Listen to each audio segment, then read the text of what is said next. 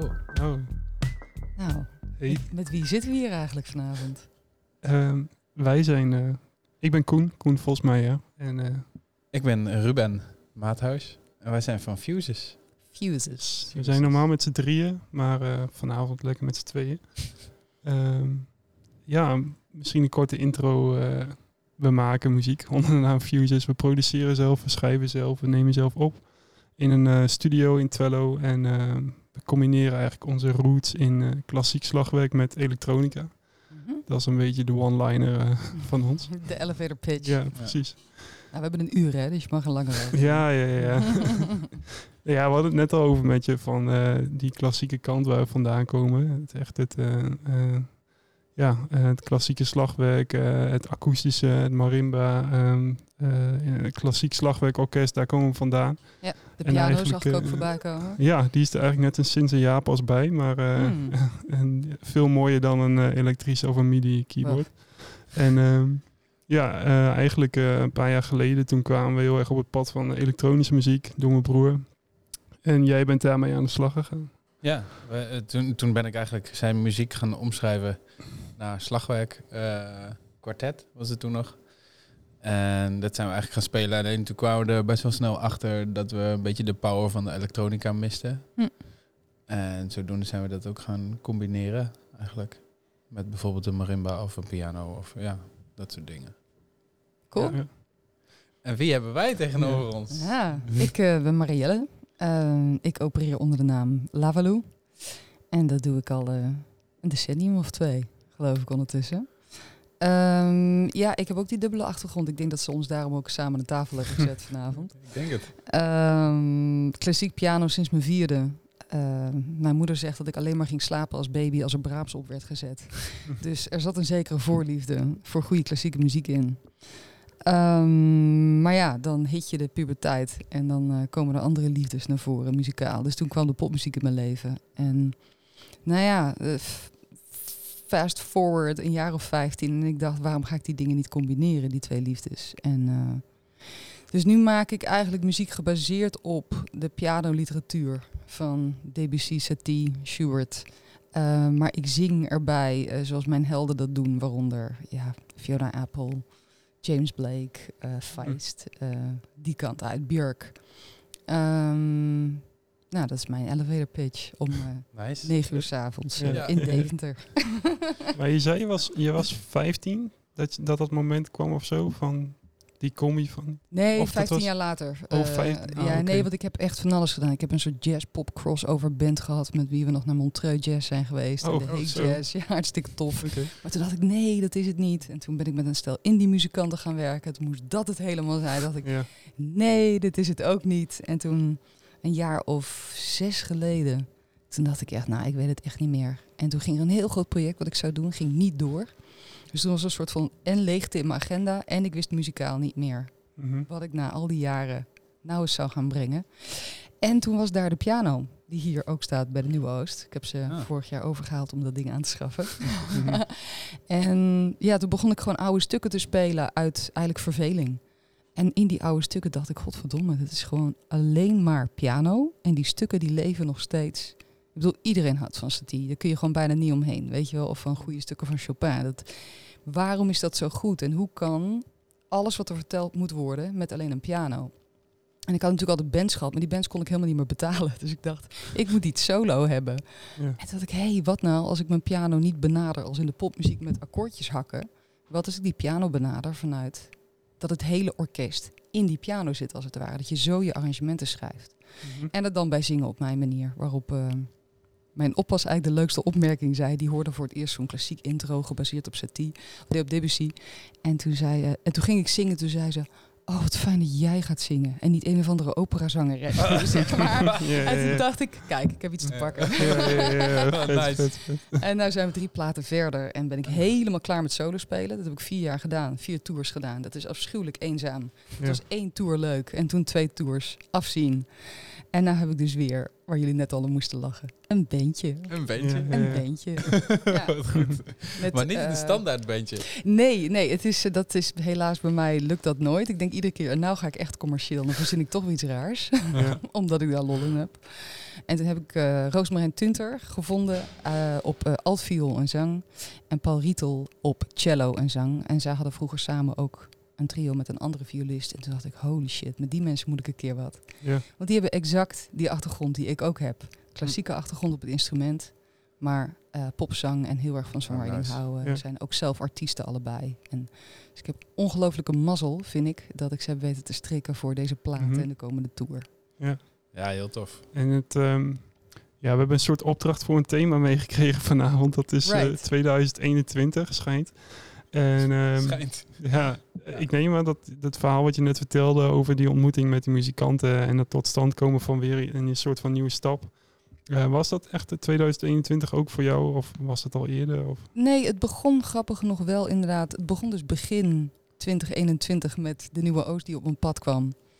En eh, dat ik zei van, als ik bij jullie wil gaan werken, dan moet er wel een piano staan. Nou, toen hebben we echt ergens op Marktplaats voor 300 euro Hm. een behoorlijk goed klinkende piano voor elkaar gekregen. En toen kon ik dus hier repeteren. En toen kon ik ook Paul halen uit Keulen, want die woont daar. Maar die moest dan niet ergens kunnen slapen. En dus toen Oh. zijn we maar zo'n bubbel ingegaan. Maar door die bubbels zijn we eigenlijk heel snel ehm, tot resultaat gekomen. Dat hebben we twee keer gedaan en dan kun je in twee, drie dagen zo ongelooflijk ver komen. Dus eh, Dus je hebt deze, deze plaat opgenomen in, 2021, ja. ja, maar zijn- in twee of drie dagen. Nee, Oh. dat was repeteren. Ah, Ja, oké. ja. Oh, Arrangeren. ja, ja, ja. Elkaar leren kennen. Right.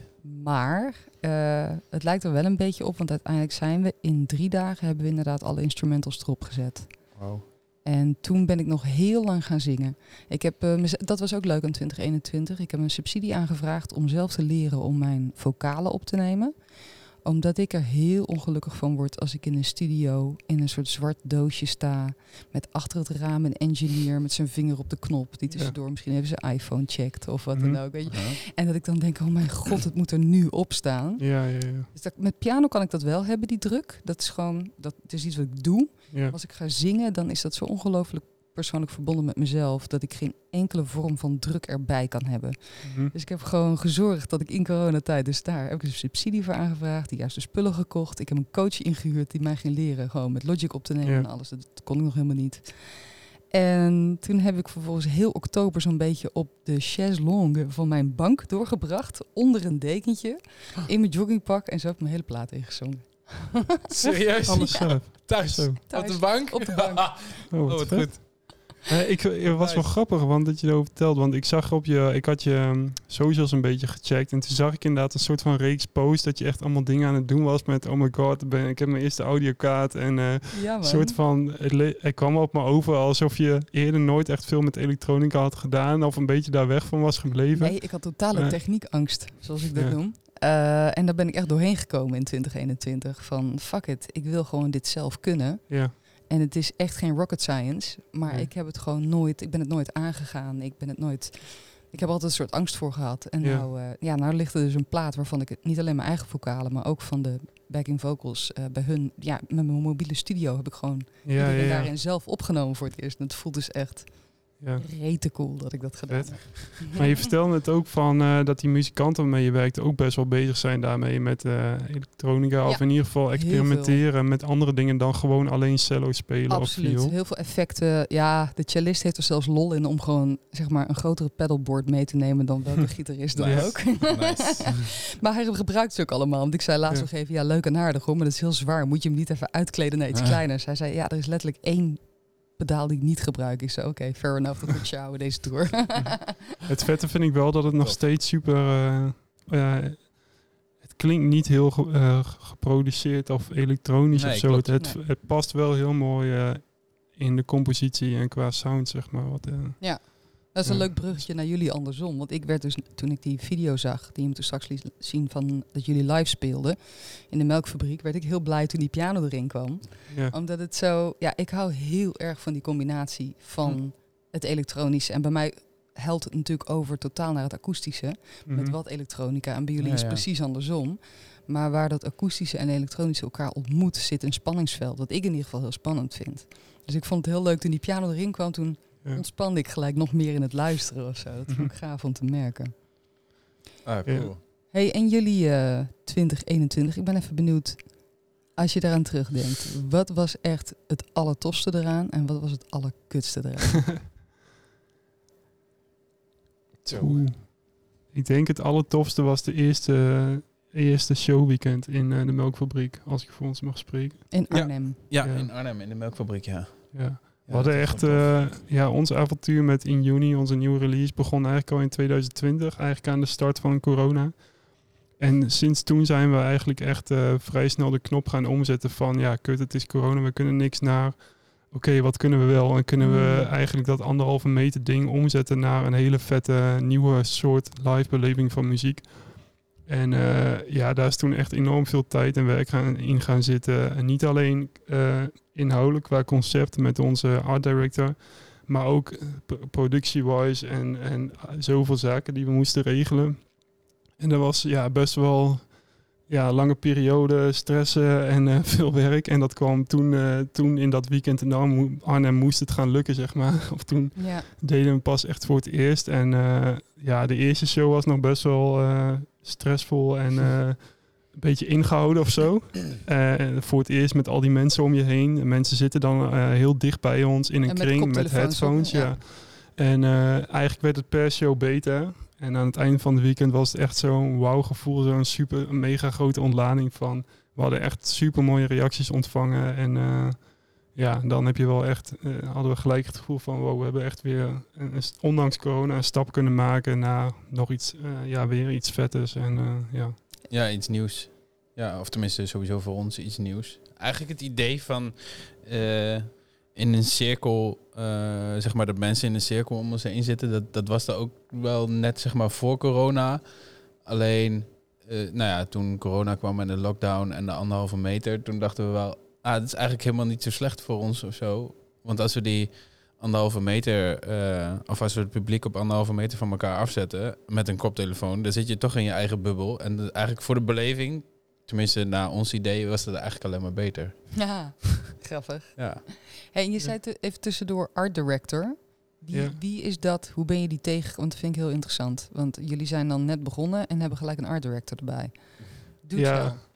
Ehm, nou ja, hij heet Sven Signe den Hartog. En eh, we hebben al met hem gewerkt bij onze vorige EP. En dat was echt zo inspirerend. Want eigenlijk zijn, kwamen we door hem een beetje tot de conclusie van... ja, wij, wij maken gewoon muziek. En wij hebben, wij hebben het echt nooit met elkaar heel erg over van... waar gaat deze track over? Of het is gewoon... eh, Het is ja. Letterlijk gewoon Ja. muziek, muziek. En dan zeggen En, we, eh, ja, het voelt goed of niet. Of we, Ja. of we zien dit soort beelden erbij, of dit roept het bij je Mhm. op. Maar hij, eh, eh, mijn broer tipte mij van, yo, ga eens met hem zitten. Voor, eigenlijk in eerste instantie alleen maar voor het maken van een artwork bij een track. En toen, eh, ja, nou, zij hebben met hem in een cafeetje in Utrecht afgesproken. En vanaf toen is het een beetje begonnen. En hij is, ehm, hij is helemaal met ons eerst helemaal in gesprek gegaan. Echt tot frustratie aan toe van, waar ben je nou naar op zoek? Hij was alleen maar diepe vragen aan het stellen Sure. van, waar komt je muziek vandaan Mhm. en dat soort dingen. Maar toen, daarna ging hij dat allemaal uitwerken. Helemaal in concepten en teksten. En, en daar eh, beelden bij zoeken, moodboards. En zo eigenlijk helemaal verder bouwen. En toen dachten we, wow, dit is wel... eh, ja, dit past zo goed bij... eh, bij enerzijds een beetje het mystieke. Maar andere, aan de andere kant gaf het juist heel erg veel verhaal aan onze muziek. Die Mm. normaal alleen maar heel... ja, geen, geen stem. Dus je hebt niet een verhaal vanuit tekst. En ehm, ja, dat beviel zo goed. We hebben toen in, hier in de Burgerweeshuis een show gespeeld. Hebben het hele podium wit gemaakt met eh, een soort, ook al een soort nieuwe beleving die we wilden creëren. Een soort whitebox waarin eh, de beleving plaatsvond. En in dit geval eh, heeft hij echt een, eh, voor de nieuwe show een bijbel van 40 pagina's geschreven over eigenlijk een ceremonie die we willen creëren. En binnen die ceremonie zijn er allerlei elementen. stage, licht, geluid, beleving, zelfs geurbeleving. Materiaalkeuze, eh, kleding. Gaaf. En dat heeft hij, eh, hebben we eigenlijk met hem uitgewerkt. En ehm, eh, ja, dat hebben we eh, gedeeld met de lichttechnicus, met de geluidstechnicus, meetings over gehad van wat past nou wel goed, wat werkt goed samen, tot echt een samensmelting van al die elementen. Maar Wat ik vind het dan, eh, interessant dat jullie die persoon zo eh, vroeg zijn tegengekomen. Ik, heb, eh, ik ben daar zelfs jaloers op. Omdat ik, ik, visueel is niet mijn eerste ding. Ik ben ook totaal op audio en op de muziek. Mhm. En eh, qua foto's of qua beeld of kleding heb ik wel een goed gevoel wat ik daarbij wil. Maar qua videoclips weet ik het eigenlijk nooit. Hm. Dus, maar het, het is ook nooit op mijn pad gekomen, iemand die echt me daar gelijk in komt. Dus ik vind het gewoon interessant dat, je dan, dat jullie daar gelijk tegenaan zijn gelopen. Ja. Heel grappig. Maar leuk Ja, ook. van- eh, ja. En mooi ook wat ik in die film zag, die kortfilm. Met die soort van Adam en Eva op het einde. Ja, ja, ja. echt natuurlijk een waanzinnig beeld. Ja. Mag ik vragen? Ik, heb, ja, ik weet niet of je dat eh, hier hardop in kan zeggen, maar hoe financieren jullie dat? Want als je op het moment dat je ook gelijk Ja. met artwork en alles aan de slag gaat. Ik ben er Ja. gewoon oprecht nieuwsgierig naar. ja. Nou ja, het was inderdaad. eh, hij begon met een, eh, een script. en het was vet. Maar hij begon helemaal met twee personages en allerlei locaties. En ik dacht echt, ja, maar hoe gaan we dit Hoe dan? ja?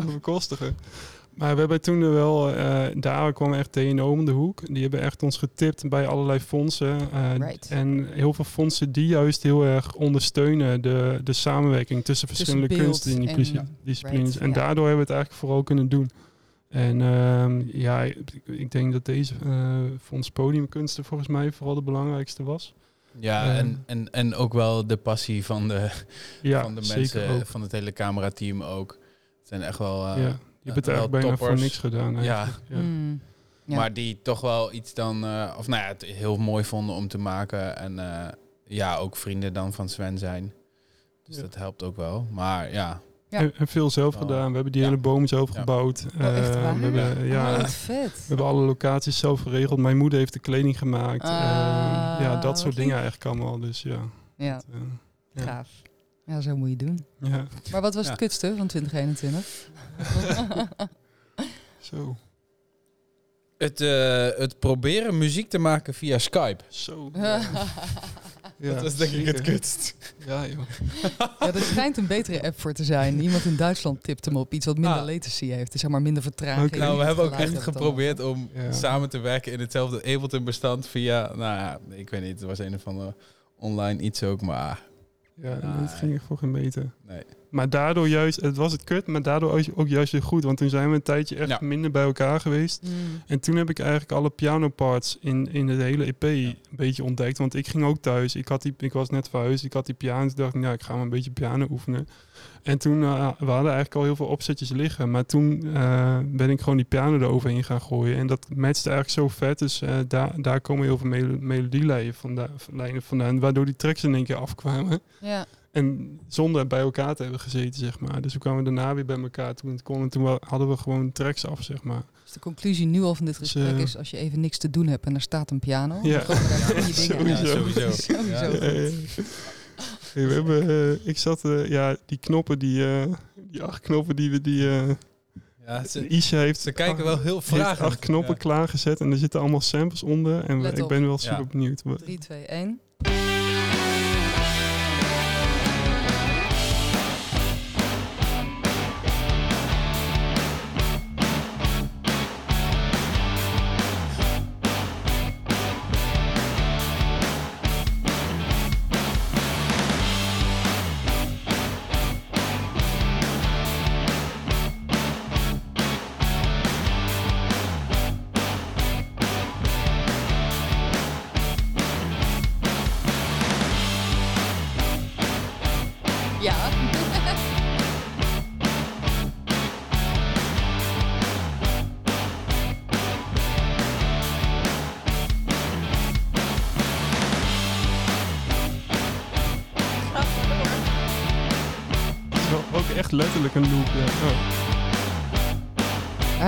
Uit zichzelf stoppen, toch?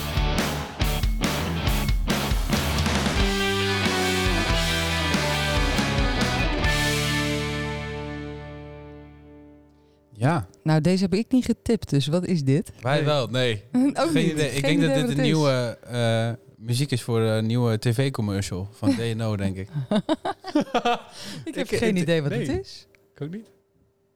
Ik dacht echt na vier maten, Het- nou stopt Ja. het. En toen ging het nog echt 16 maten door.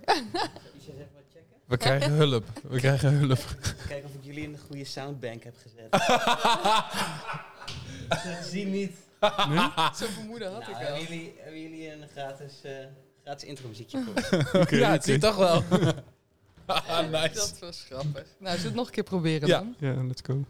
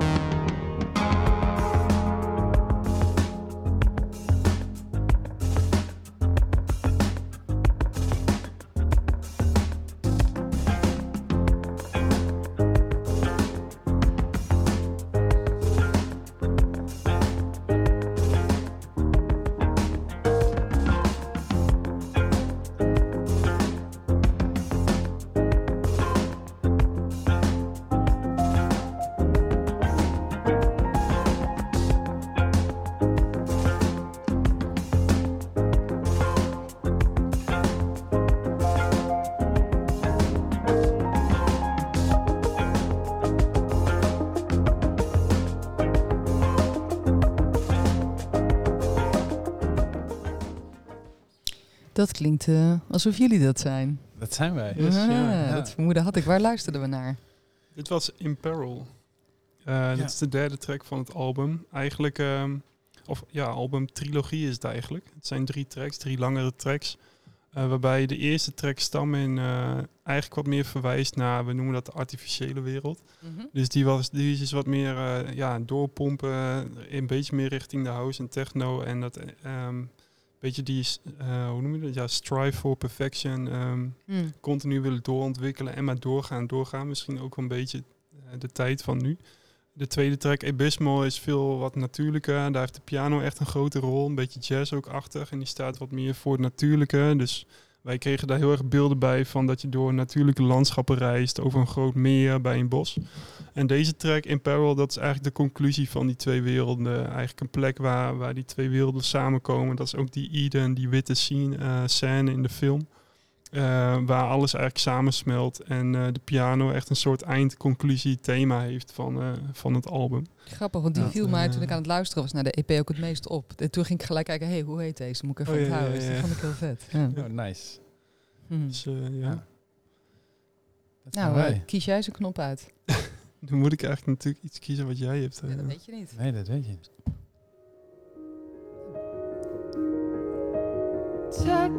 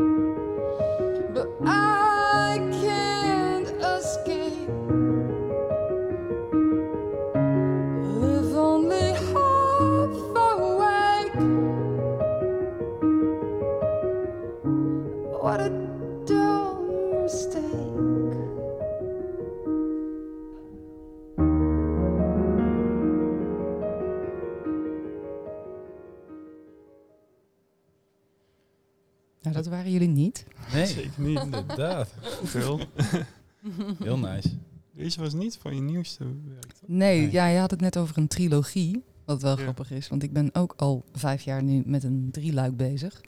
Waarvan Earthbound, eh, de nieuwe plaat die over tien dagen uitkomt, die is daar deel drie van. Maar dit was deel twee en zoals een bonus track. Maar het was wel leuk. Ik kreeg een heel warm gevoel ehm, terwijl ik dit hoorde. Met name omdat ik ineens weer terug was in die studio. Dit is opgenomen in de Teldex Studios in Berlijn. Een, een, ja, legendarische klassieke studio's eigenlijk. Waar de Neumann microfoons überhaupt zijn ontwikkeld in de jaren 40. En ehm, daarboven zit namelijk een hele kleine studio. Een hele goede balzaal. En die eh, wordt bestuurd door Peter Schmidt. En die is de mixer van mijn hele drieluik. En doordat ik mijn eerste album Solitary High bij hem ging mixen, zei hij op een gegeven moment: You've got to see the big room. ik zo, oké, ik mee naar beneden. En hij gooit die deur van de Teldex studio open. En ik dacht echt binnen één seconde: Fuck, nou wil ik hier mijn volgende plaat opnemen. Dan? Weet je wel? En daar staan dus inderdaad drie Steinways gewoon voor je klaar. Ah, Eh, ja. de, de galm, de, de ruimte. Nou ja, je hoort het, de vleugel. Het klinkt zo pristine. Het is een onwaarschijnlijke sound. En ik had een.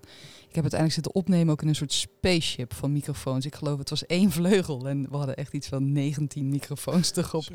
met een Decca Tree Vet. en eh calls en nou ja, sorry, is een beetje shop talk, maar echt gewoon hele vette microfoons. En, eh, maar die mensen zijn vooral zo ontzettend leuk. Peter Schmid en zijn assistent Alex Sitnikov, die dat is alleen maar gewoon lachen, goed Italiaans eten in de middag en super hoog niveau eh, muziek maken, eh, mixen maken. En, eh, dus toen ik dat net hoorde, moest ik daaraan terugdenken. En ja, ik ben wel iets aan het afsluiten nu, dus het is ook wel, je begint voor het eerst ook terug te kijken. Het is wel Mhm. gaaf. Maar je, ja, je vroeg net aan ons van, ja, hoe, hoe hebben jullie dat dan voor elkaar gekregen met zoveel? Maar ik vraag me dan af, hoe kreeg je dat in godsnaam Ja. met zo'n studio voor elkaar, joh? Ja, een beetje hetzelfde. Doordat ik dus eh Gerard Heusingveld is een goede vriend van mij en eh, muzikant ook. Met hem heb ik eigenlijk Solitary High ontwikkeld als gedachtegoed. Wat moet die plaat zijn? Hoe combineren we dat klassiek en pop tot aan wat heb ik aan toe? Zeg maar jeans met een nette blouse onder het motto die twee werelden samenbrengen. Dus dat heb ik zo met hem zitten ontwikkelen. En hij had met zijn band bij Peter Schmid al gemixt. Hij heeft mij geconnect. Peter Schmid viel voor die solo muziek voor mij. Die zei, ja, kom maar mixen hier. En die doet dat dan gelukkig voor een iets minder bedrag dan die. Ja. Nou ja, Mhm. hij heeft ook met Depeche Mode en alles gewerkt, weet je. wel. Dus hij was weer iets vriendelijker eh, richting mij. En toen kwam ik daar en toen zei hij ook van ja, eh, hij ging gewoon zijn best doen om het zo voor elkaar te krijgen dat ik daar kon opnemen. Maar het was dus voor de big room betaalde ik zo, zo en zo'n bedrag. Als ik daar dan de mixroom bij wilde, die de, eigenlijk, ja, de studio booth, dan was ik nog 1000 euro per dag kwijt. Dus dat hebben we dus niet gedaan. Ik heb Rutger Drent meegenomen, mijn vaste engineer waar ik al jaren mee werk. En samen met Alex Sitnikov, dus die assistent die die hele studio uit zijn kop kent, hebben we gewoon in de big room hebben we gewoon alles zitten zelf zitten opbouwen en gewoon eh, hele geluidstafels erin en mixers en totdat het stond en toen in twee dagen die plaat opnemen. Dus ik zal niet zeggen dat het niet Twee stressvol ook, was, ja. maar ja, het was niet heel veel tijd. Ik neem nooit heel veel tijd meer, omdat ik vroeger platen heb gemaakt waar ik zo lang over deed dat de jeu er al lang uit was. Dus ik ben Ja. ook op een gegeven moment mezelf gaan dwingen tot in kortere tijd iets neerzetten, zodat je jezelf moet verrassen, als het ware. En zodat er iets, een hele authentieke energie uit kan komen. Hm? Volgende knop. Oh. I the start of every movie. I guess, cause I wish I was making things too, but I'm working for the night.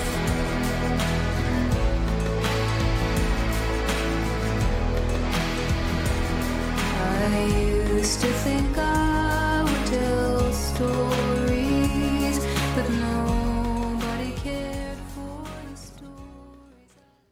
Is dit inspiratie voor jou? Nee, dit Oh. zegt mij niks. Ik vind het mooi. Er kwam weer een heel mooi pianotje voorbij, dacht ik. Mij ook niet. Maar het is wel nice. nou, ja. waarom? Ik dacht, ik dacht er namelijk wel, maar waarom was omdat wat ik heel tof vind in jouw muziek is dat je ehm, jij eh, componeert op een bepaalde manier met akkoorden dat je in één keer een hele grote verandering eh, in, eh, in de vibe kan maken. Dat je zeg maar eh, eh, eerst heel lang in een ja, een droevige setting of zo zit of eh, heel mineur. Mhm. En in één keer gooi je dat helemaal op. Tenminste, zo komt het bij mij Mm. over. En dat had ik hier ook een beetje met Ja, die akkoordwisseling, Grappig, zeg maar. Dus ik, ook, ik vond hem ook vet. Dat ik dacht, Ja, oh ja, vet. maar ik ken het niet. Leuk. Maar misschien is het wel... eh, of is het Mitzi? Zou dat het zijn? Ah, ja, ik heb haar plaat helemaal niet gehoord. Zo zie je maar. We moesten wat inspiratiebronnen voor de luisteraars thuis. eh, Ah, wat ja. inspiratiebronnen opsturen. En wat ik had opgestuurd was eigenlijk een artikel van Mitzi. Maar dat vind ik wel even interessant Ah, om aan te halen.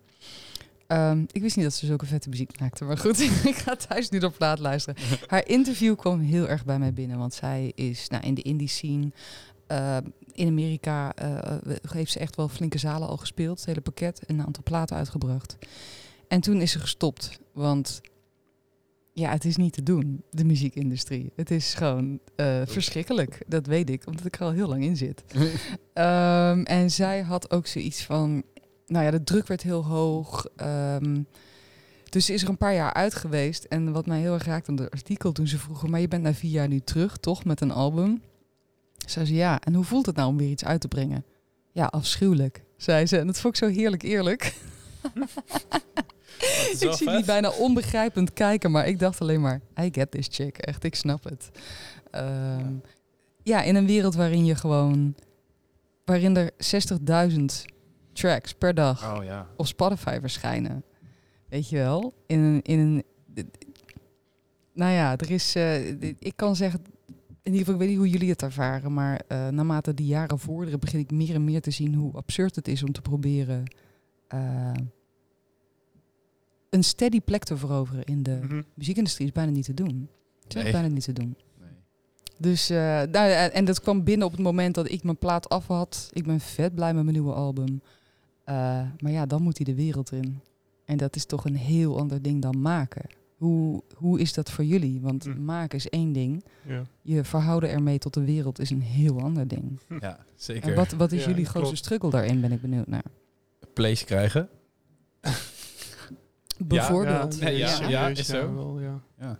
Plays krijgen en dan bedoel je eh, eh, streams? Of, ja eh, streams. Ja. Nou ja, gewoon, ja, wat, gewoon een veel groter bereik Ja. krijgen. Of eigenlijk de mensen vinden eh, die, Ja, die kunnen het, waarderen wat je maakt. Of ook waarderen wat je maakt. Of in ieder geval ontdekken of er mensen zijn die dat kunnen waarderen. of Zeg maar. course, die zijn er zeker. En ehm, ja, het is, ja, het is gewoon eh, een soort van bedrijfstak wat je erbij krijgt, wat je moet doen. Wat, ja, ja, wat je moet doen om verder te komen. Maar wat ja, niet misschien je, je Nou ja, dat, dat is het volgens mij ook wel tegenwoordig. Er Echt best wel veel mensen, eh, eh, labels, eh, managements, weet ik het. Boekers kijken toch wel naar cijfertjes. Mm. Best wel veel. Ja, dat is nooit anders geweest, denk ik. Nou ja, toen er nog geen Spotify was, weet ik het niet. Nou, waren maar andere cijfertjes. ja, ja, ja, andere cd's Ja. en de dingen. Ja, Ja, het is wel grappig wat je zegt, want op zich wel, maar aan de andere kant, eh, ja, wij hebben echt gewoon nog relatief weinig volgers, denk ik. Maar we hebben wel dan twee weken geleden in Paradiso mogen spelen. Puur, denk ik, omdat de programmeurs die we hebben gesproken uiteindelijk wel echt aangingen inhoudelijk op, on- op ons concept van de show. Dus eh, dat geeft wel hoop Ja, dat Ja, ja, nog maar steeds dat- gewoon kan. Ja. ja Dus het gaat dan niet om de streams.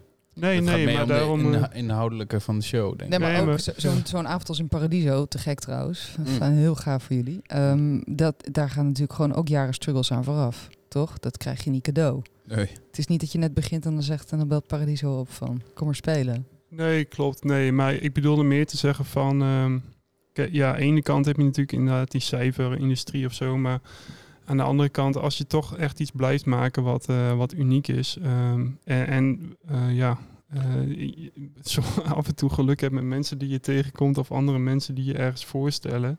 Ja, het komt ook, zeker. Ja, Ja, maar het dat is komt, een hele het komt vanzelf. Alleen, het is niet zo makkelijk. nee, nee, nee. Maar dat is ook niet erg. Oh, het is grappig dat je zegt dat het vanzelf komt. Ik heb juist het gevoel dat het voor geen meter vanzelf Nou ja, komt. nee, ja, vanzelf. Als je, gewoon- als je maar door blijft gaan, zeg maar, dan op een gegeven Ja. moment. Ja, maar ik- eh, Ja. geluk. Ik vind het goed dat je het, het woord geluk aanstreept. Want ik ben, ik ben in ieder geval zelf heel erg opgegroeid vanuit eh, eh, ouders die nog heel erg bezig waren met de maakbaarheid van de samenleving en van jezelf. Dat alles is te doen als je maar hard genoeg werkt. Hm. En ik moest er zelf achter komen dat het echt wel iets gelaagder in elkaar zit dan dat. Je hebt echt ook gewoon een Ja, ja, ja. shitload of geluk nodig. Wil je kansen krijgen?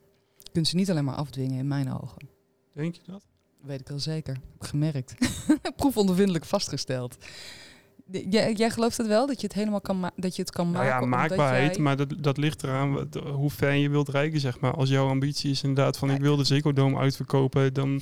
is de eerste vraag denk ik, is dat realistisch? Ja. Eh, en als je, maar als je een reali- realistisch doel hebt, denk ik dat, dat, eh, eh, dat je in ieder geval een heel eind kan komen. Wat met, is, wat is eh, jullie realistische doel? Dan ben ik wel gelijk nieuwsgierig. Hebben jullie een realistisch doel waar je naartoe werkt?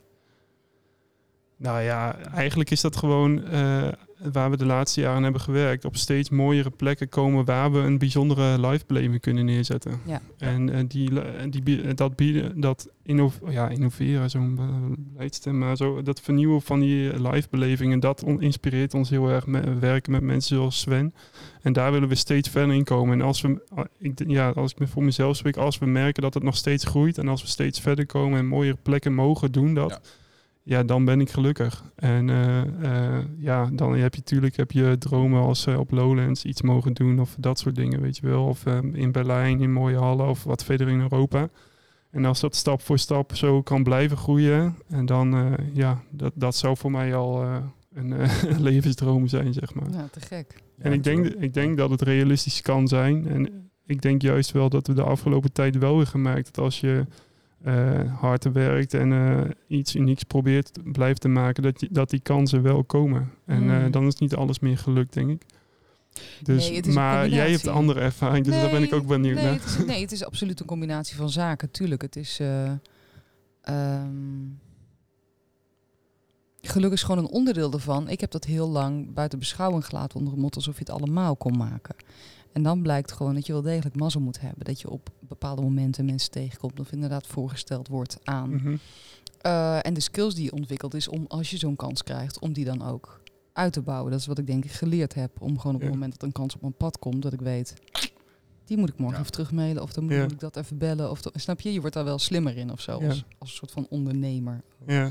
Eh, maar het is niet zo dat je je kan voornemen. Ik had denk ik wat onrealistische dromen hoor, moet ik er ook bij zeggen. Ik zag mezelf vroeger als een soort Björken imperium hebben. En Oh, gewoon, ja. weet je wel, de hele...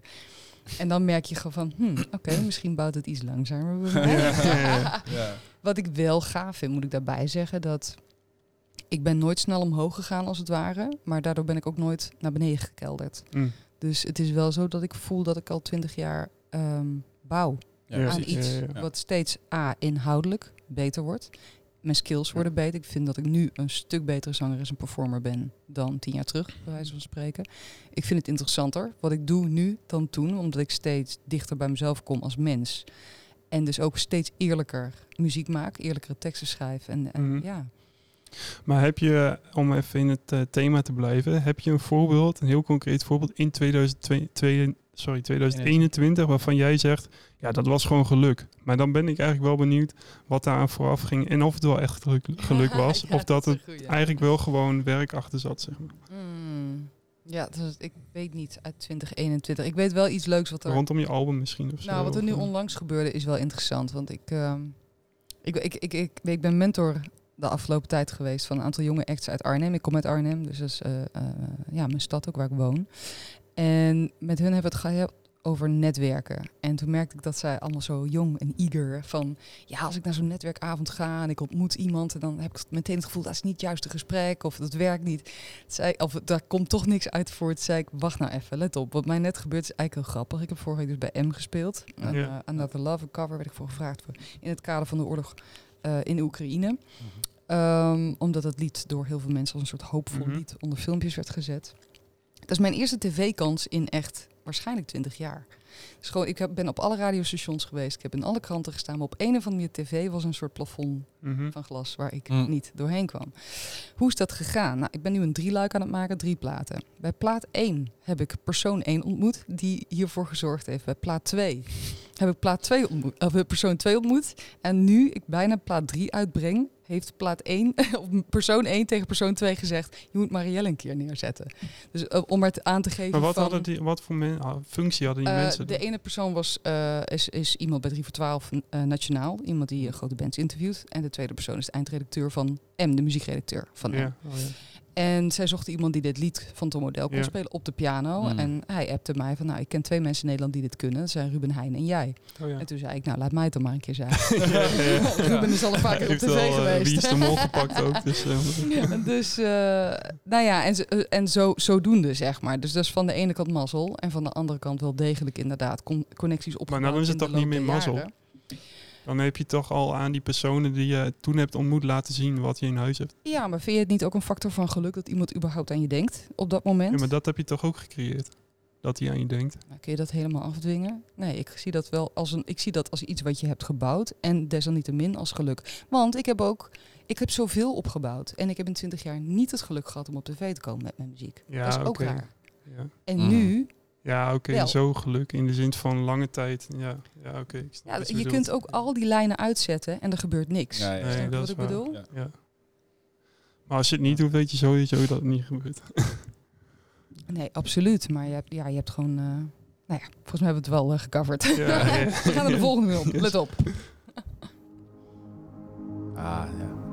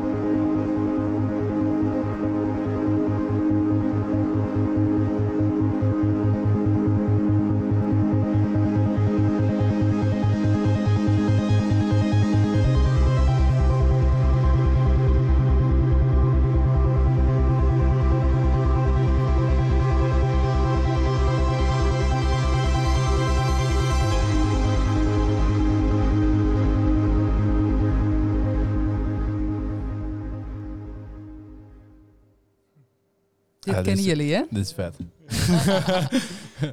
ja, dit is, dit is wel ook wel een geinig verhaal. Eh, dit is een, eh, of was een livestream van Colin Benders. Oh ja. Die Kite Man eh, vroeger deed. En ehm, eh, wij zaten volgens mij met z'n tweeën in de studio. Ja. En toen eh, zag ik dit voorbij komen, dat er een livestream kwam. En toen ben ik dat gaan... Of nee, zijn we dat samen gaan kijken. Ja, alleen wel los van, los van elkaar. zo, ja. Ja. Ja, nou, dus- Dus eh, zaten we alle twee met de oortjes in naast elkaar en eh, een, een eigen scherm te kijken. Maar hij had ook aangekondigd dat hij iets ging doen met de binaural beats. Dus dat je in een soort, eh, ja, als je dat goed toepast, dan kun je in een soort mood komen van concentratie of juist heel chill. Of, eh, nou, en, toen aan het einde van het uur, dat was ongeveer deze track volgens mij, of de laatste tien minuten of zo. Ja, ja, toen kwam dat, of tenminste, toen, toen zaten we al helemaal in zo'n in, die vibe, zeg maar. En toen was het afgelopen. En toen keken we elkaar aan. Er moest echt een soort van landen of zo. En dat, ja, toen zijn we ook zelf gaan zoeken of we dat konden toepassen, ook in onze eigen muziek. En eh, eigenlijk ook voor eh, de live show.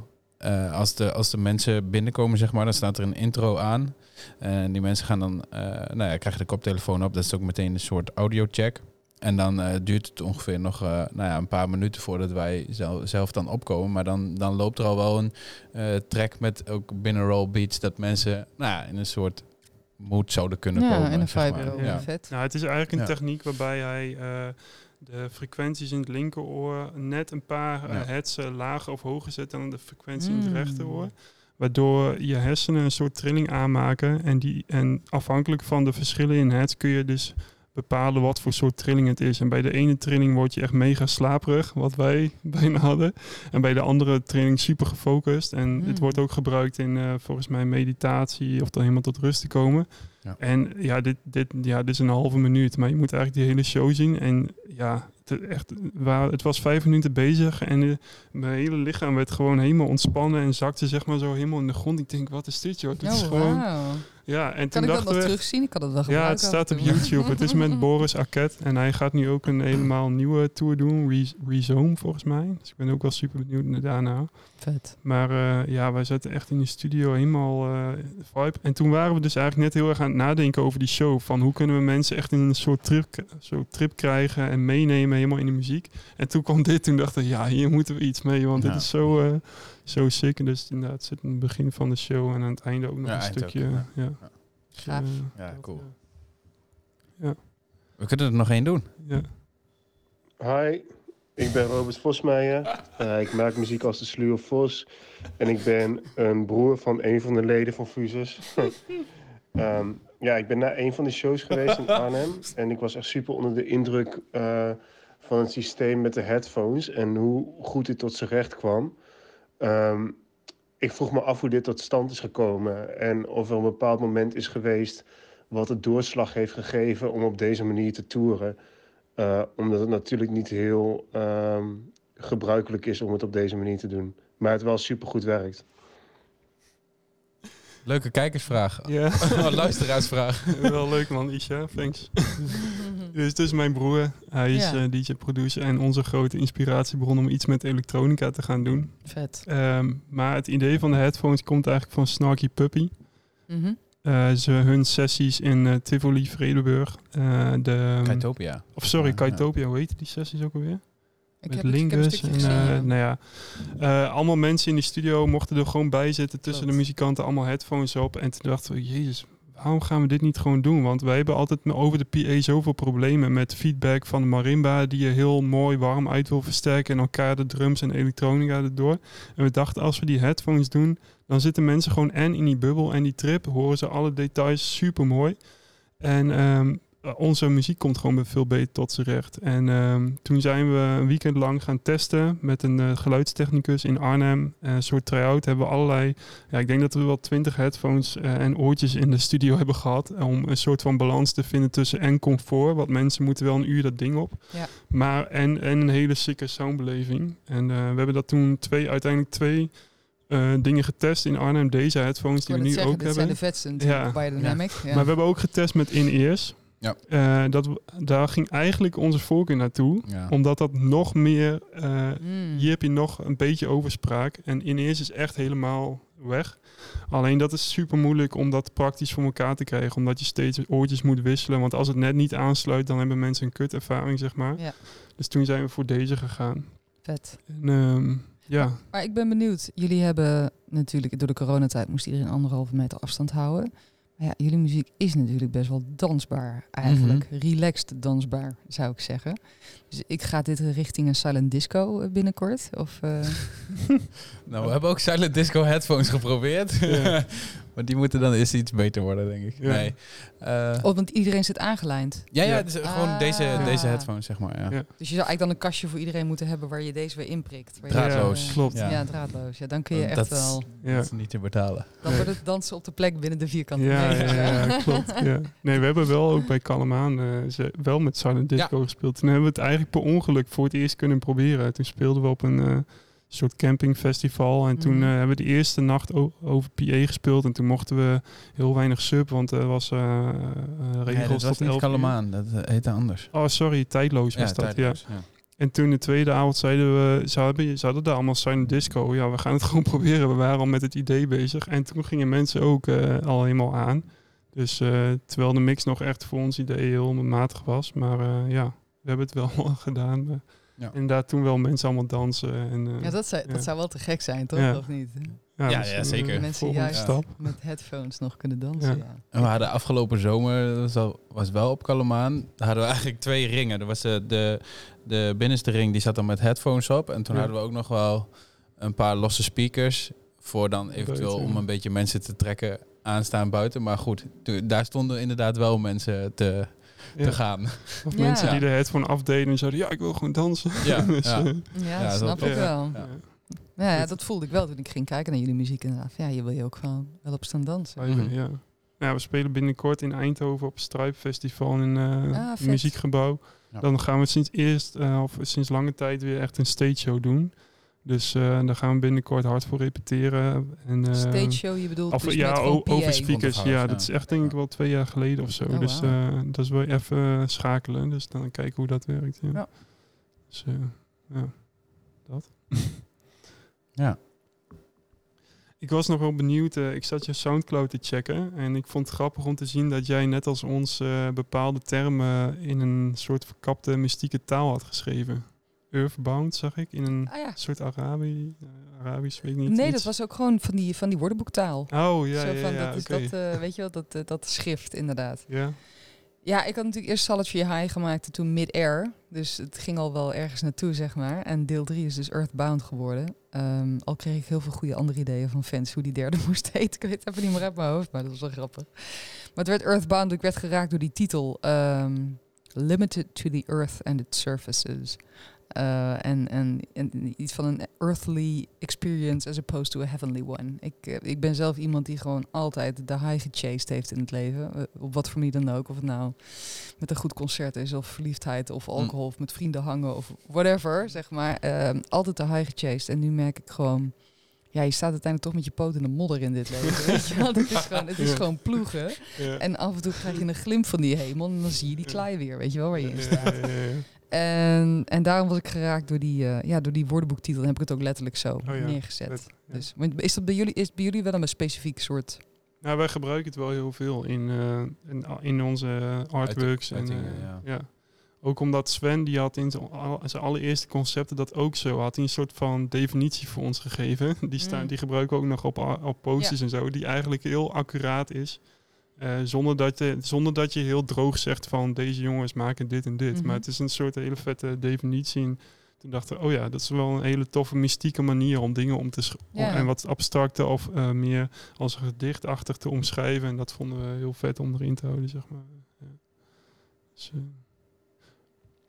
maar eh, Ja. we zitten, eh, ja, ja, eh, Isha zei het al, ja, het is eigenlijk te laat nu om over 2021 te praten. Dus eh, misschien Mhm. moeten we ook gewoon een beetje vooruitkijken naar dit jaar. wat, zijn je, wat zijn je grootste plannen? Eh, nou ja, eerst maar eens een plaat uitbrengen dus over een dag of tien. En dan eh, ga ik een première daarvan spelen in het Concertgebouw in Amsterdam. Zo.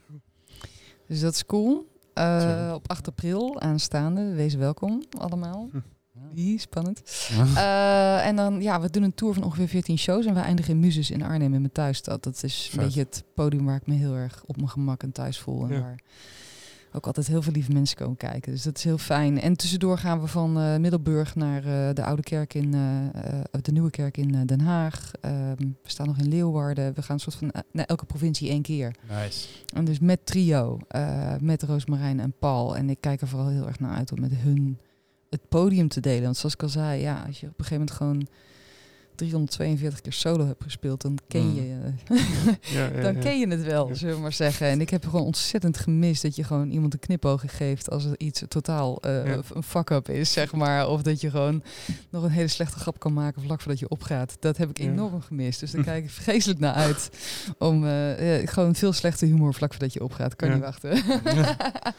Maar we hadden het net over geluk en zo en maakbaarheid. Maar dan denk ik, ja, jij brengt even een album uit en je hebt gewoon een tour staan in, eh, van- en op echt zieke podia. ja, op Hoe krijg je dat dan voor elkaar? Nou ja, Dus- door ook inderdaad heel, heel lang te bouwen.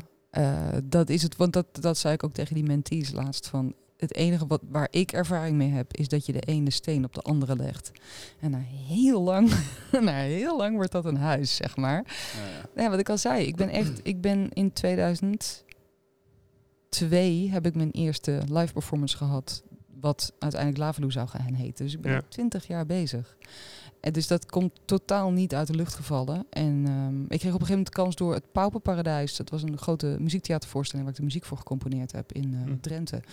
En dat stond voor duizend man per avond. Het was echt een enorm succes. En eh, daardoor heb ik eigenlijk in de theaterwereld kende mensen mijn naam ineens als componist.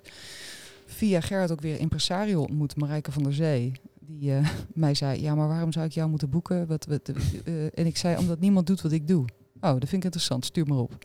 dus toen had ik het opgestuurd. Ik denk, ja, kon ik ook echt zeggen. Wie speelt er Ja. nog klassiek piano, gaat de pop bij zingen, weet je wel. Ja, ja. Dat, is, dat is er verder niet. Dus toen heeft ze dat geluisterd. En vijf minuten later belde ze me terug. Ik heb tranen in mijn ogen, ik ga het doen. Ik ga het doen. Oké, oké. Nou, dat was dus echt geweldig, want dat komt na 33 nee's in de jaren Ja, daarvoor, ja, van wie ik dan ook benader, snap je? Ik heb er zo onwaarschijnlijk Maar wat, merk je daar nou nu concreet van bij zo'n tour? Want is het dan de- dat je gewoon naar die podia veel makkelijker, of jij of je impresario toe kan stappen en zeggen van ik heb een nieuw album, kan ik je spelen? En ze zeggen gewoon gelijk ja? Of Ik heb geen idee, zij doet dat gelukkig nu Hmm. voor mij. Ehm, Maar het is begonnen met dat ik dus de kans kreeg om in theater te spelen. Terwijl wat ik nu heel belangrijk vind, is dat ik eindelijk op echt concertpodia sta. Want daar, ik- Ja. daar omdat ik voel gewoon de vibe daar gaat over luisteren.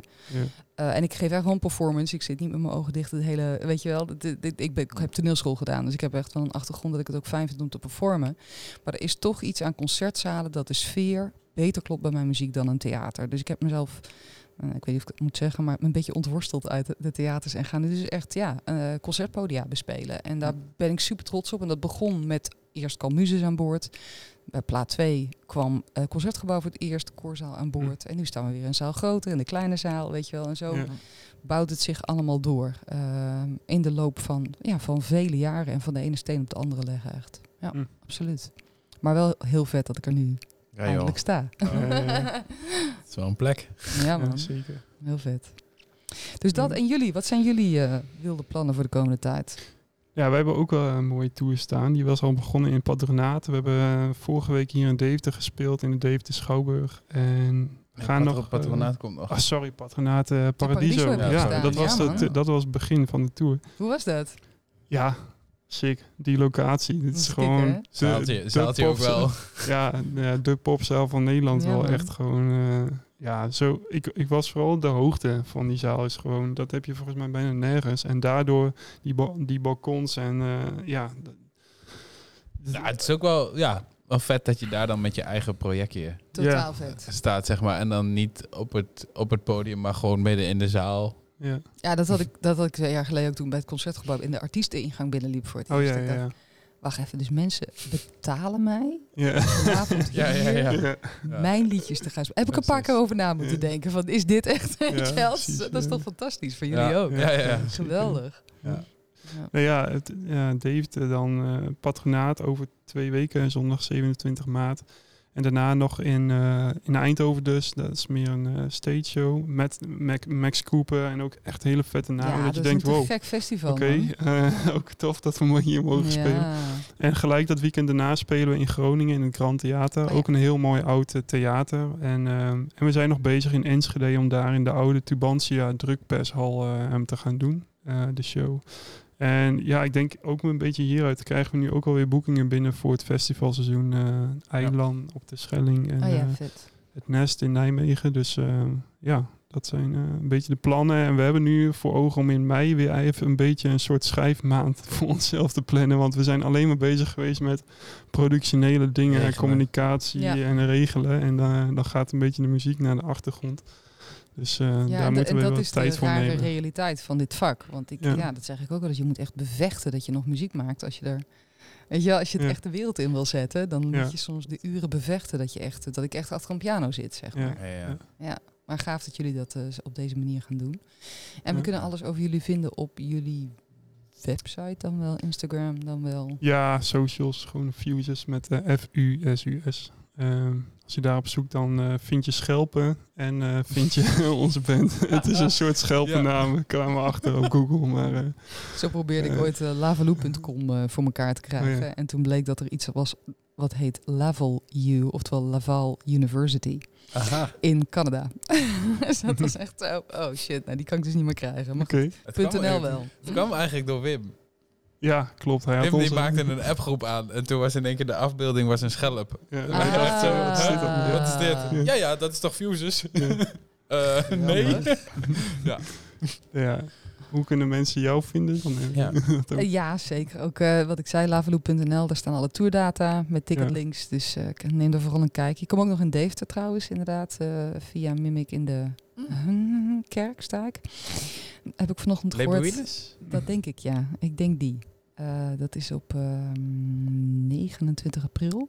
Hoe dan ook, alle tourdata staan online. En Instagram is altijd leuk. Als je me daar volgt, dan krijg je nog wat backstage dingen, et cetera. En filmpjes. En ehm, ja, zoiets denk ik. Ik ben wel benieuwd, misschien één laatste vraag. Je Mm. hebt net eh, hiervoor nog wat van onze muziek geluisterd en net ook. Wat is nou het, eh, eh, wat is nou het tofste wat je eraan gehoord hebt? En waarvan dacht je, hey, als ik dit zou mogen hermaken, zou ik dit anders doen? Ah, interesting. Oh, dat is grappig. Dit, eh, die gedachte was nog niet van origine in me opgekomen. dus ik moet er even over nadenken. Ehm, nou, ik zei al over Imperil, dat die track me heel erg aansprak. Omdat die zo op een gaaf snijvlak zit van het akoestische geluid. En, en ik hoorde ook ergens een marimba. Ja, daar val ik dan gelijk voor. Dat vind ik dan zo alive. Dat Mhm. ik dat, daar zou ik nog meer van lusten binnen jullie muziek. Ik zou de, Hm. de, af en toe nog wat meer akoestische. En het leek, nou, ik moest eerlijk zeggen dat ik dacht van, wat nou als ik hier, als ik eens aan die piano zit en als ik er een keer Mhm. wel bij zingen. Dat leek me wel een heel Ja. gaaf idee, jongens. Eh, wie weet. Ja, Komt dat er weet, ooit van? ja. Dat leek me gewoon geinig. Wat nou als je op een gegeven moment wel eh, zanger nog bijgooit of Mhm. een keer uitproberen. En, en, de, en de pianolijnen vind ik heel mooi, maar die zouden voor mij ook wel iets meer intricate nog mogen zijn. Eh, dus iets, iets denser of iets, iets eh, op een leuke manier gecompliceerder, zeg maar. Daar zou je Hm. nog iets in kunnen doen. Maar nee, dat is gewoon Ah, omdat nice. ik daar heel erg van hou. En eh insgelijks, nou, stel ik de vraag Ja. ook terug. Wat vond je er tof aan? Waar dacht je van, als ik hem zou reworken, dan zou het Ja. zo worden?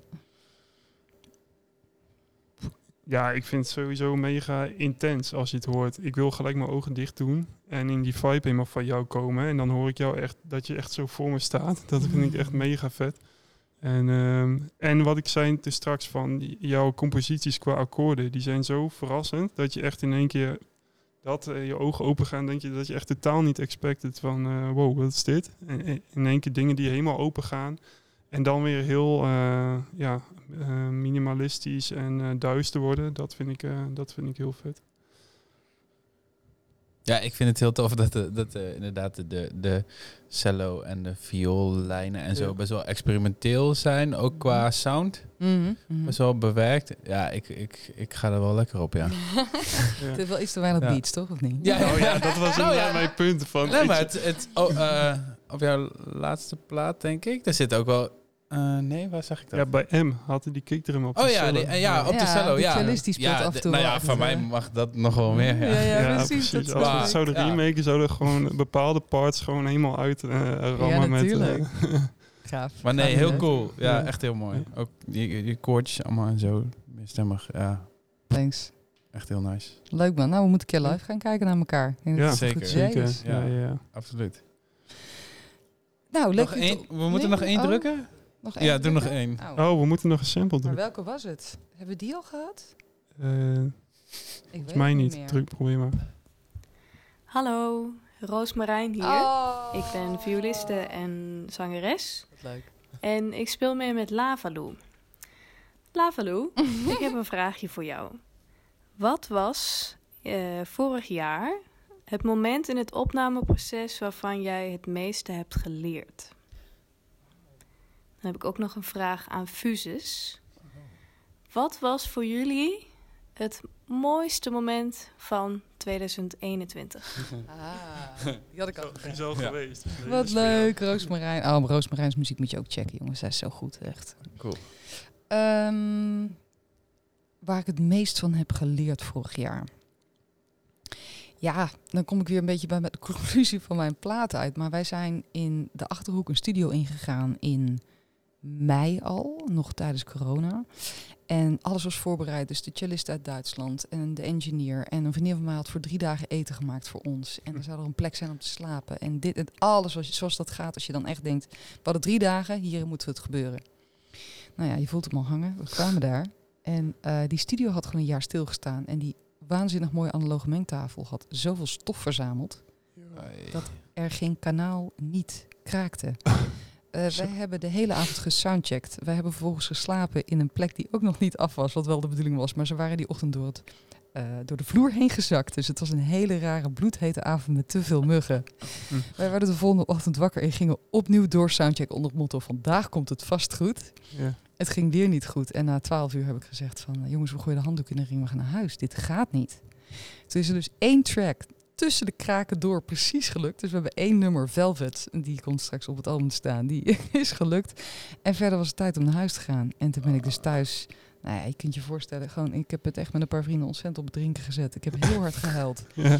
En de volgende ochtend werd ik wakker en dacht ik, fuck it, dit gaan we oplossen. Hoe ga ik dit oplossen? Toen ben ik gewoon als een wilde gaan bellen, zoeken naar nieuwe studiomogelijkheden, iedereen's agenda weer samenbrengen. Ja. Oh mijn god. En toen duurde het natuurlijk weer twee maanden. Oh ja. Dus daarom zit ik nu best wel in een fuik met heel snel dingen uitbrengen en al op tour gaan, waar ik eigenlijk meer tijd tussen wilde. Mhm. Maar dat ging niet, want ja, alles is uitgesteld, doordat het Ja. daar al misging. En dan gaan er natuurlijk nog drie dingen mis along the line. Dus Maar wat heb je nou geleerd? Wat heb ik geleerd? Dat Nou, let op. Dat je niks aan de hand hebt. dat je echt... Je, hebt, je kunt alles fucking voorbereiden. En dan nog kan alles wegsmelten tussen je vingers. En dat, heb ik, en dat is voor mij een hele goede les. Ja. Zo'n Ja. momentje hadden wij ook, hè? Ja, dan sta je in Paradiso en dan flikkert je USB-hub eruit. Bijvoorbeeld. Ja. Ja. het, is, het leven is gewoon onaf. Of zoals een acteur eh, waar ik ooit auditie mee deed, die zei... Weet je, het hele leven is gewoon op één been. Je staat altijd op één been. Nou ja, die heb ik mijn hele leven meegenomen. Dat was dit wel echt een heel goed voorbeeld aan. Houdt het ook weer levendig, hè? Ja. Alright, volgens Ja. mij is dit wel de conclusie van de avond, toch, Isje? Dank jullie wel voor deze Yes. Ja, ontmoeting. Jij ook, Dus, dankjewel. eh, wij kennen elkaar eh, precies eh, anderhalf uur nu. Ja. Ja, wauw. En dat was een fijn gesprek. Dank jullie Zeker. wel. Het gaat jullie goed. Jij ook. Hetzelfde. En dan de DNO Tune.